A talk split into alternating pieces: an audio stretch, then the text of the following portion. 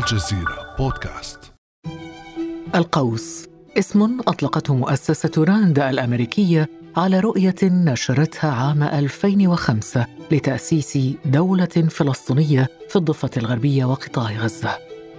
لم تجد تلك الرؤية آنذاك أصداء إعلامية كبيرة عربيا وعالميا، لكنها شكلت في الواقع أساسا للعديد من المبادرات الغربية. وبعد عقد ونصف على نشر مؤسسة راند رؤيتها صدم الرئيس الأمريكي السابق دونالد ترامب الفلسطينيين والعرب بما يسمى صفقة القرن On Sunday, I delivered to Prime Minister Netanyahu. سلمت رئيس الوزراء نتنياهو رؤيتي للسلام والازدهار ولمستقبل أكثر إشراقا للإسرائيليين والفلسطينيين.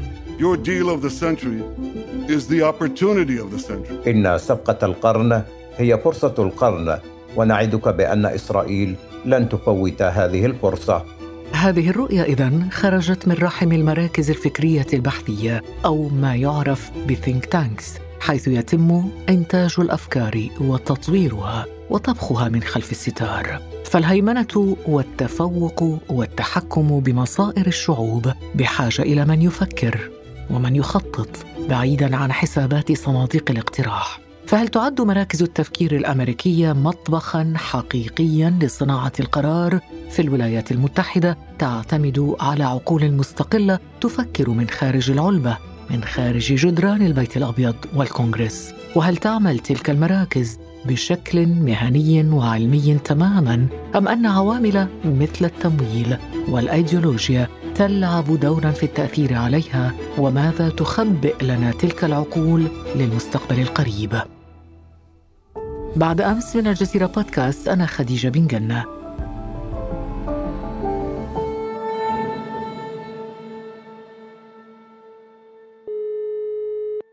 يسعدني أن أستضيف في هذه الحلقة الدكتور أسامة أبو رشيد الكاتب والباحث المقيم في الولايات المتحدة. صباح الخير دكتور أسامة. صباح النور أستاذة خديجة. دكتور أسامة لو بدأنا في هذه الحلقة بإضاءة على مراكز التفكير عموما وفي أمريكا خصوصا ما هي مراكز ال think tanks؟ بداية عبارة ال think tank عبارة غريبة بحد ذاته وهي مصطلح عسكري وليس مصطلحا أكاديميا وهذا المصطلح يعني بدأ في بريطانيا آه، إبان الحرب العالمية الثانية وكان يعني بالدرجة الأولى هي المناطق الآمنة التي يتم فيها التخطيط للمعارك والتعامل مع المعارك في ظل حرب مدمرة في ذلك الوقت.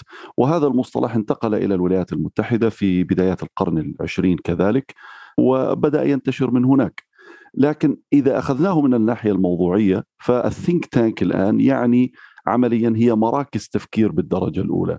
هناك من يقاربها ومن يطرحها بصيغة أنها جامعات دون طلاب بمعنى أنها أساتذة متخصصين لكنهم بدل التدريس يركزون على الأبحاث وعلى التفكير وعلى محاولة إيجاد حلول أو أجوبة لتحديات تعيشها دولة ما أو مسألة ما إذا تكلمنا عن مسألة الهجرة على سبيل المثال أو مسألة التغير المناخي أو إذا ما تحدثنا مثلا عن التحديات الجيوسياسية والجيوستراتيجية عالميا. فإذا لو نأخذها في هذا النطاق فهي مراكز للتفكير أشبه بجامعات دون الطلاب أين يكون التركيز على التفكير والنقاش والبحث بالدرجة الأولى. يعني مراكز التفكير أو الثينك تانك في الولايات المتحدة الأمريكية تبدو منتشرة بكثرة هل هناك إحصائية ربما تقرب لنا هذا المفهوم؟ نعم يعني حسب الأرقام الموجودة هناك 1984 مركز دراسات في الولايات المتحدة أو ثينك تانك إذا أخذنا بالمصطلح الأمريكي وهذه المراكز ليست كلها يعني متخصصة في حقل السياسة الخارجية. هناك منها ما هو متخصص مثلا في قضايا الهجرة ما هو متخصص في قضايا المناخ هناك ما هو متخصص في القضايا الاقتصادية في المسائل الضريبية في القضايا الثقافية وهناك ما هو متخصص في المسائل السياسية على مستوى السياسة الخارجية أو السياسة القومية الأمريكية أو سياسة الولايات أو ما هو حتى دون الولايات. وهذه المراكز أيضا ليست فقط مراكز مستقلة مثلا إذا أخذنا راند ولا بروكينجز ولا هيريتج لكن هناك أيضا مراكز تابعة لجامعات وتعمل داخل جامعات وأقسام دراسات داخل الجامعات. طيب بما أنك أشرت إلى بعضها مثل راند وبروكينغز وهيريتج هل هذه هي أكبر المؤسسات أو الأكثر تأثيرا لنقل في السياسة الأمريكية؟ نعم لا شك هي من أكثر المؤسسات تأثيرا أو من ضمن قائمة من أكثر المؤسسات تأثيرا. يعني مرة أخرى هناك Brookings هناك Heritage عندنا ال Council on Foreign Relations مجلس العلاقات الخارجية عندنا ال Cato Institute ال American Enterprise RAND مثلا على سبيل المثال Corporation ال Center for American Progress Center for Strategic and International Studies ال Woodrow Wilson International Center for Scholars أو ال Carnegie Endowment for International Peace وهناك مثلا ال American Enterprise Institute يعني قائمة ضخمة جدا لو أردنا أن نمضي يعني أكثر من 1900 مركز دراسات أو think tank هناك على الأقل 400 500 منها مشهورة جدا بميزانيات ضخمة جدا فيعني القائمة طويلة جدا لو أردنا أن نمضي ونحلل ونناقش كل مركز من هذه المراكز. طب ميزانية ضخمة كما قلت دكتور، من أين تأتي ميزانية هذه المراكز أو الثينك تانك؟ نعم هناك عدة مصادر. من ناحية هناك التمويل من الحكومة على سبيل المثال يعني بناء على برامج معينة واتفاقات معينة دراسات معينة هناك الأهم وهو الجزء الأكبر من تمويل هذه المؤسسات ما يسمى الإنداومنت وهو الوقف.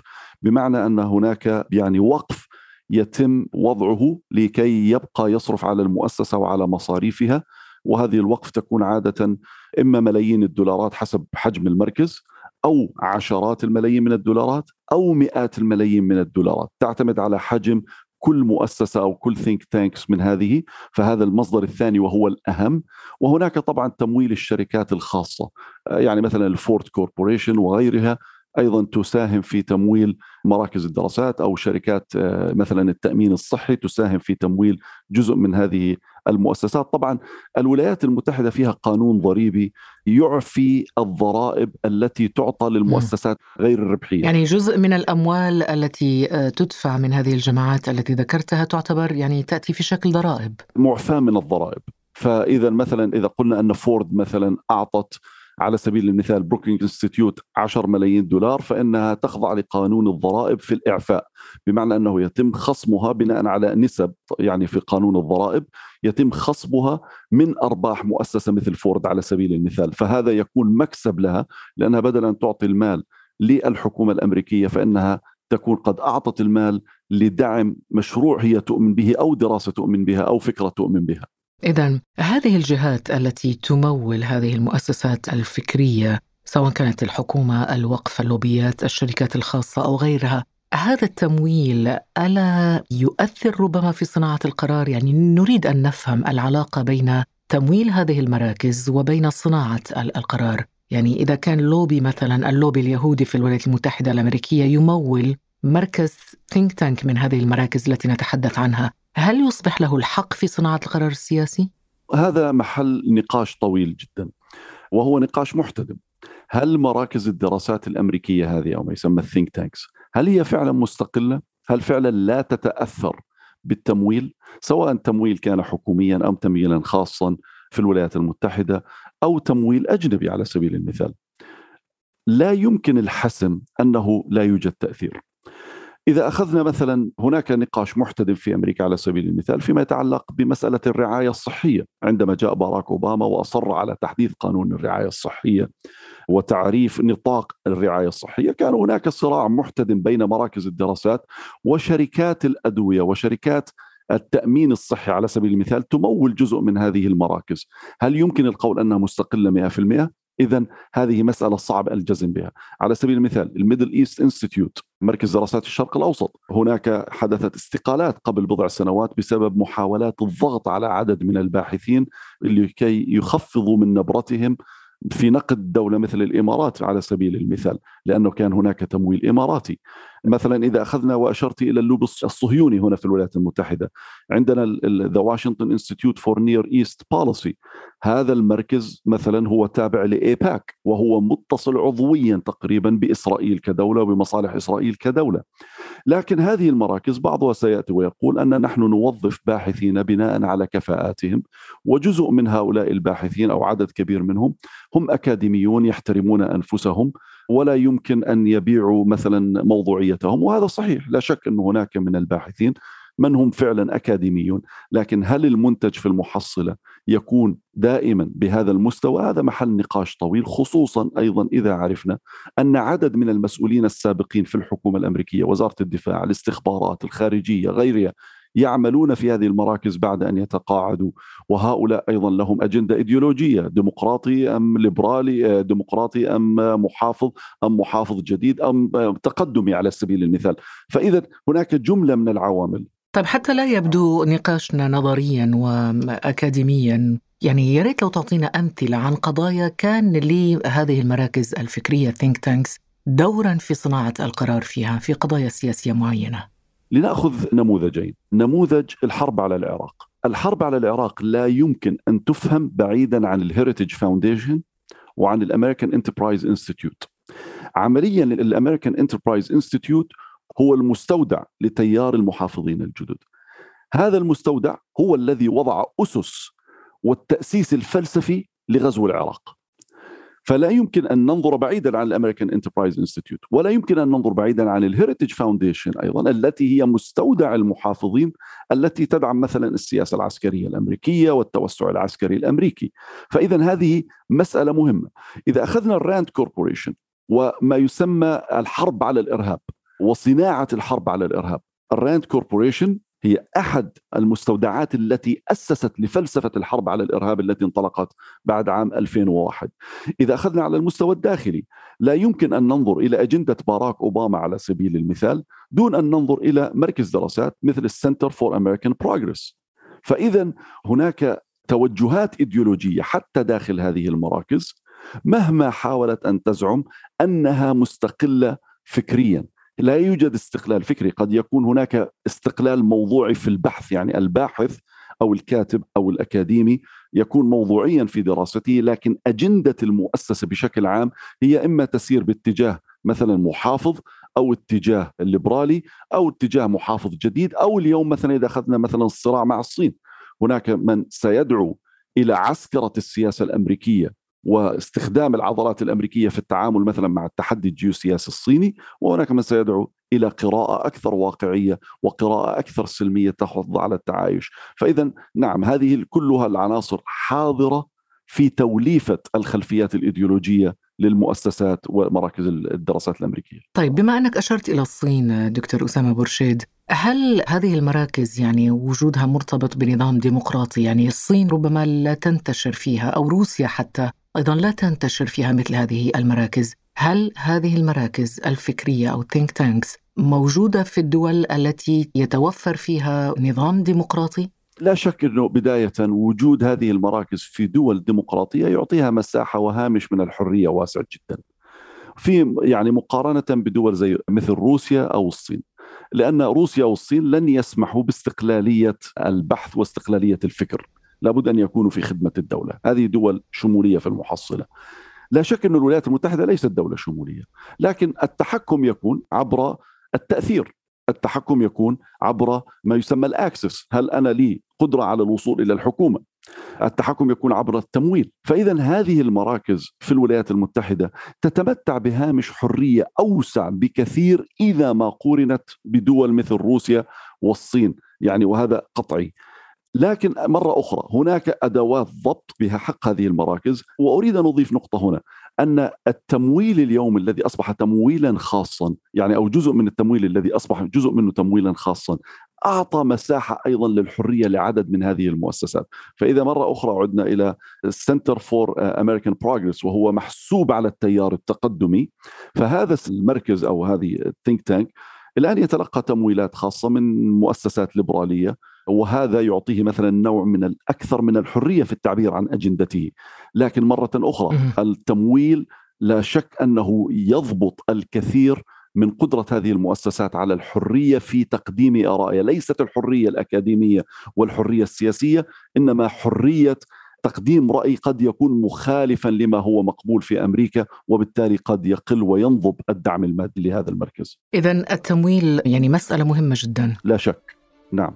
بما أنك أشرت إلى أهمية عنصر التمويل وقبل قليل ذكرت بعض الأمثلة لتمويل من حكومات أجنبية وذكرت الإمارات العربية المتحدة، دعنا نشير إلى أنه عام 2014 خلص تحقيق اجرته صحيفة نيويورك تايمز الأمريكية إلى أنه أكثر من 12 مجموعة بحثية بارزة في واشنطن تلقت عشرات الملايين من الدولارات من حكومات أجنبية ولا سيما من دول خليجية، وذلك للتأثير طبعا على قرارات البيت الأبيض خصوصا منذ بداية ثورات الربيع العربي عام 2011 وهنا السؤال دكتور أسامة ألا يدعو ذلك يعني إلى التشكيك بصدقية أو مصداقية ونزاهة مؤسسات التفكير الأمريكية ووضعها في مصاف اللوبيات مثلا؟ لا شك إنه هي ينبغي أن تؤخذ في سياق الشك. يعني بمعنى آخر لا يمكننا الجزم دائما بموضوعية الدراسة أو بموضوعية التوصيات لأنها مرة أخرى إما أنها تخضع لتحيزات إيديولوجية تحيزات سياسية أو أنها تخضع لعنصر التمويل، وعنصر التمويل هذا لا شك أنه يضع علامات استفهام كثيرة على الموضوعية وعلى النزاهة فيما يتعلق في مراكز الدراسات هذه أو ما يصدر عنها. فنعم وهنا أنت أشرت إلى نقطة هامة أنه مراكز الدراسات هذه أو الثينك تانكس الأصل أنها جامعات مثل ما قلنا أنها جامعات دون طلاب، يعني بمعنى آخر أنها تقدم منتجا اكاديميا موضوعيا يخضع لشروط علمية وأكاديمية صارمة. لكن الحقيقة ليست هكذا 100% ولا حتى يمكن 90% ولا 80%. هذه المراكز في المحصلة أصبحت تتنافس على التأثير في الولايات المتحدة. والتنافس على التأثير يجعل منها بنفس الوقت يجعل منها جزء من ما يسمى جماعات الضغط لأنني أريد أن تكون السياسة التي أنا أدافع عنها بما أن لدي تحيز إيديولوجي وتحيز سياسي وربما تحيز من حيث التمويل. فعندما أنا أصبح أدافع عن هذه الأجندة التي اتبناها وأحاول أن أدفع باتجاهها فإذا أنا أصبحت الآن جماعة ضغط سياسي من يعني ضمن سياق معين. هذه المسألة ما يسهلها أنه عندما نتحدث عن الحكومة الأمريكية، الحكومة الأمريكية نحن نتحدث عن حكومة تتعامل مع لا اعرف إذا استطعنا أن نحصر عدد الملفات التي يتعامل معها في السياسة الداخلية والسياسة الخارجية، آلاف ربما عشرات الآلاف من القضايا يوميا. الحكومة الأمريكية مهما كانت ضخمة فإنها لا تملك الإمكانيات لمعالجة كل قضية على حدة، يعني إذا كنا نتكلم عن الاقتصاد الحكومة لديها خبراءها لكن في المحصلة هل نزيد الضرائب أم نخفض الضرائب؟ ستلجأ إلى مراكز دراسات. الحكومات إذا كانت إدارة جمهورية ستلجأ إلى المراكز التي هي محسوبة عليها في المحافظين، إذا كانت إدارة ديمقراطية ستلجأ إلى المراكز التي هي محسوبة عليها في الديمقراطيين، فإذا هذا يجعل حتى من هذه المراكز التي تريد أن يكون لها تأثير بالإضافة إلى تمويل إضافي، وأن يكون لها سمعة أكبر بحيث تحصل على تمويل أكبر، نحن نتحدث عن مراكز حجمها السنوي حوالي مليار دولار تشكل ثلث مراكز الدراسات في العالم. هذه المراكز أصبحت قوة فاعلة بحد ذاتها في الولايات المتحدة طب هذه القوة الفاعلة كيف تعمل؟ يعني لو تعطينا بعض الأدوات أو الآليات التي تعمل وفقها هذه المؤسسات هناك مجموعة من الباحثين مثلا يعملون تحت مظلة هذه المؤسسة يقدمون خلاصات أو توصيات للحكومة أم كيف تجري العملية بالضبط؟ لا شك إنه هذا أحد الأشكال التي يقومون من خلالها أنه يقدموا خلاصات أو يقدموا نصائح أو توصيات أو يقدموا يعني ما يسمى ال backgrounder يعني إنه هناك على سبيل المثال أذكر كان هناك دراسة قامت بها كارنيجي أو بروكينجز قبل بضع سنوات عن التعامل مع غزة، كيف نتعامل مع قطاع غزة في ظل حكم حركة حماس لقطاع غزة. كان هناك توصيات منهم عمرو هادي اليوم الذي أصبح آه، في وزارة الخارجية الأمريكية أحد مساعدي وزير الخارجية ومكلف بالملف الفلسطيني الإسرائيلي كان هناك تصور وضع كيف نتعامل مع قطاع غزة؟ كيف نتعامل مع حكم حماس؟ كيف نخفف الحصار على قطاع غزة دون أن يكون هذا اعتراف بحماس؟ فإذا هذه عندما يقدم دراسة لا شك أنا قرأت الدراسة على سبيل المثال، الدراسة كانت يعني عميقة جدا. هناك توصيف عميق واقعي لواقع قطاع غزة إنسانيا اقتصاديا بيئيا. لكن عندما نأتي إلى مسألة التوصيات تكون هناك التحيزات، هناك التحيزات والمواقف المسبقة. تحيزات أيديولوجية أم إيديولوجية طبعا وسياسية. مهم. يعني مثلا حماس منبوذة في أمريكا على سبيل المثال. فلا شك إنه أي توصية تكون قائمة على أساس أن حماس منبوذة وإسرائيل حليف. حتى لو انتقدت إسرائيل لكن تنتقد في سياق الحليف ومحاولة البحث عن مخارج لها من ازمه أزماتها ومعضلاتها. لكن مثل حماس فإنه يكون هناك محاولة لتعميق أزماتها وإضعاف قبضتها على قطاع غزة على سبيل المثال. فاذا عندما ننظر إلى هذا البعد هذه المراكز عندما تقدم مثل هذه التصورات هي تقدمها لحكومة جائعة للمعلومة، جائعة للحلول، لأنها لا تملك هي الحلول السحرية، هي عندها موظفين، الموظف لديه يعني إذا قلنا مثلا ما يسمى Israel Palestine desk أو Israel Palestinian desk، المكتب الإسرائيلي الفلسطيني، حتى لو افترضنا عندهم 100 موظف في دائرة الشرق الأوسط لا يستطيعوا أن يتعاملوا مع قضايا يعني تحدث يوميا في الساحة الفلسطينية لوحدها سواء الاستيطان أو مقتل مستوطن أو اقتحام لمدينة جنين أو كيف نتعامل مثلا مع تصور الحل قطاع غزة مع حل الدولتين. هذه كلها تحتاج إلى مراكز متخصصة تملك الإمكانات وتملك الكفاءات لأنه أغلبهم هؤلاء أيضا أصلا كانوا موظفين في الحكومة فهؤلاء يقومون في هذه الأبحاث. الموظفون الذين يعملون في هذه المراكز أو حتى في الحكومات بما أنك أشرت إلى عمرو هادي وهو في وزارة الخارجية الأمريكية. هل يعتمد اذا على عناصر عربية في ملفات عربية؟ وعمرو هادي معروف أنه أصله من لبنان؟ لا شك أن هناك مجموعة من الباحثين العرب في هذه المراكز وهؤلاء الباحثين يعني يخضعون لذات المعايير. هناك باحث أكاديمي الذي ينطلق من بعد أكاديمي يعني إذا أخذنا مثلا البروفيسور شبلي تلحمي خالد الجندي زاها حسن يعني هؤلاء باحثون جادون أكاديميون موضوعيون لا يجعلون للإيديولوجيا ولا للتحيز السياسي. ولا للانتماء. لا شك إنه هم عندهم انتماء عربي لا شك يعني. لكن أنا أتحدث على مستوى البحث الأكاديمي على مستوى الإنتاج. نعم. فهؤلاء في شخصيات إذا أردنا أن نتحدث عن شخصيات عربية مثلا باحثة ومرموقة في أمريكا وتملك مصداقية فيوجد. ولكن أيضا هناك من هو متسيس من هو يعني يسعى ليكون جزء من تيار مثلا إذا أراد أن يكون فؤاد عجمي على سبيل المثال الذي كان جزء من تيار المحافظين الجدد. وفي حالة غزة وعمر هادي؟ عمر هادي يعني من الناحية الأكاديمية كان أفضل منه من الناحية نعم. السياسية. دكتور أسامة بورشيد برأيك ماذا تخبئ لنا مراكز التفكير الأمريكية أو ال think tanks المؤثرة طبعا من تصورات لمنطقتنا العربية؟ يعني لا يمكن طبعا حصر هذه المسألة لأن هناك تصورات كثيرة. لكيفية صياغة المنطقة والتعامل مع المنطقة يعني وأنا أركز دائما فيما يتعلق في صياغة المنطقة العربية على ال RAND Corporation بالدرجة الأولى. كثير من التغيرات التي نشهدها اليوم في المنطقة العربية إعادة تعريف الإسلام ومفهوم الدين كدين في المنطقة، إعادة تعريف العلاقات العربية العربية، إعادة تعريف مفهوم القومية العربية، إعادة تعريف وضع إسرائيل في المنطقة وتعويم الهوية لتصبح هوية شرق أوسطية. RAND Corporation منذ عام 2001 وهي عمليا تتبنى هذا المشروع وقدمت فيه الكثير من الإنتاج والنتاج الفكري والتصورات الاستراتيجية والتي للأسف يعني كثير منها تبنتها دولة الإمارات تحديدا مم. وهذا أخطر ما في المشروع أن هناك محاولة لتعويم هوية المنطقة بحيث نصبح نحن شرق أوسط ويصبح الإسلام له معنى آخر، أنا لا أتحدث الآن عن عملية يعني الاجتهاد داخل الإسلام أو تطوير فهمنا للإسلام، أنا أتحدث عن محاولة تقديم تصور آخر للإسلام من خارج الإسلام وليس من تطوير من داخل الإسلام. معنى أنه فرض لمنظومة دينية أو تعامل سياق ديني آخر على السياق الإسلامي صحيح مثل إلغاء مفهوم الجهاد مثلا هذه أقل المشاكل لكن مم. هناك حتى حديث إنه هل كلمة الله غير قابلة لإعادة الكتابه والصياغة؟ يعني النص القرآني فيه نص تاريخي فلماذا يبقى في القرآن؟ لماذا نقرأ إنه هناك كان تحذير من الخمرة قبل أن نصل إلى التحريم؟ خلص نحن وصلنا إلى التحريم. هناك نص تاريخي فيما يتعلق حتى في قضايا يسموها معادية للسامية أن الآيات التي مثلا كانت على اليهود قاسية عليهم هذه كانت في فترة الصدمات مع القبائل اليهودية في المدينة. لكن في النتيجة وصلنا إنه لا ينهاكم الله عن الذين لا يقاتلونكم إنه نوصل لمرحلة المودة. القضية طبعا ليست طبعا المودة لا شك إنه هي الأصل.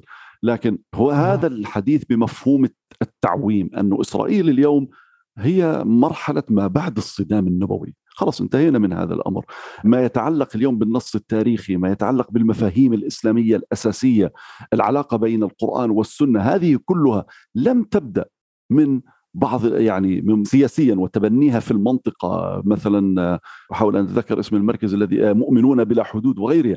هذه كلها من بنات أفكار RAND Corporation والدفع بإعادة صياغة المنظومة كاملة على مستوى الدين، على مستوى الهوية، على مستوى العلاقات وعلى مستوى التعريف العربي ونحن كعرب ومسلمين، فهذا التغيير الجذري هذه وراءه مراكز دراسات وتحديدا مثل ال RAND Corporation.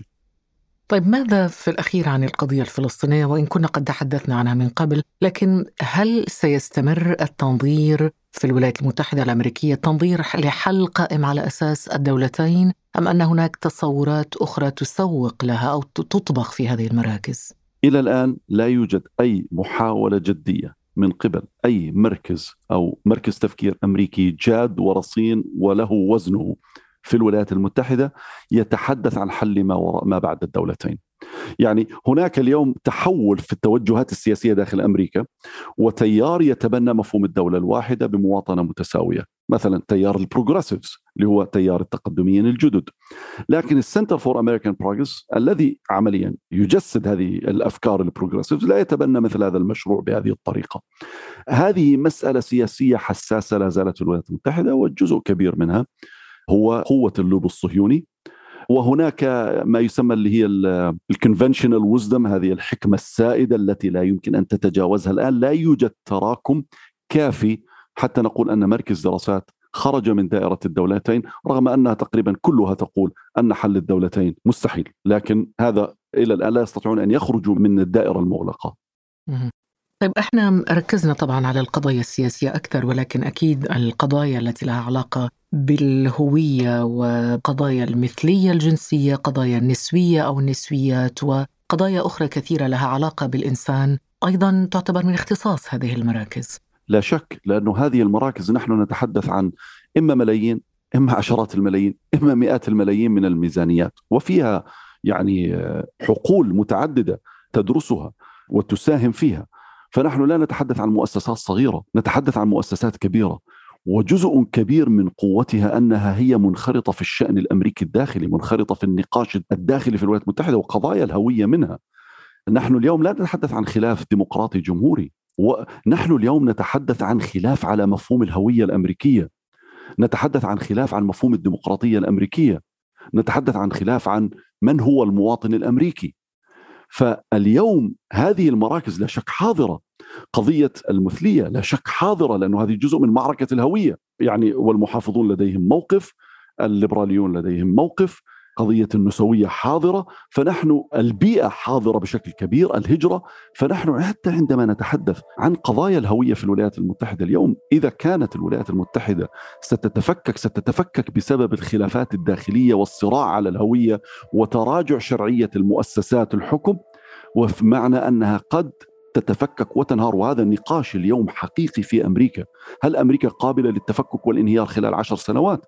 هذا نقاش حقيقي اليوم في أمريكا أنه نعم هناك قابلية ولكن تحت وطأة الوزن الأمريكي ذاته وليس بسبب تحديات خارجية، فهذه القضايا لا شك أنها تشغل حيزا واسعا اليوم من النقاش الأمريكي. أشكرك جزيل الشكر دكتور أسامة برشيد الكاتب والباحث المقيم في واشنطن على هذا النقاش المفيد والجميل في نفس الوقت حول مراكز التفكير الأمريكية think tanks في أمريكا. شكرا لك. العفو شكرا لكم. كان هذا بعد أمس.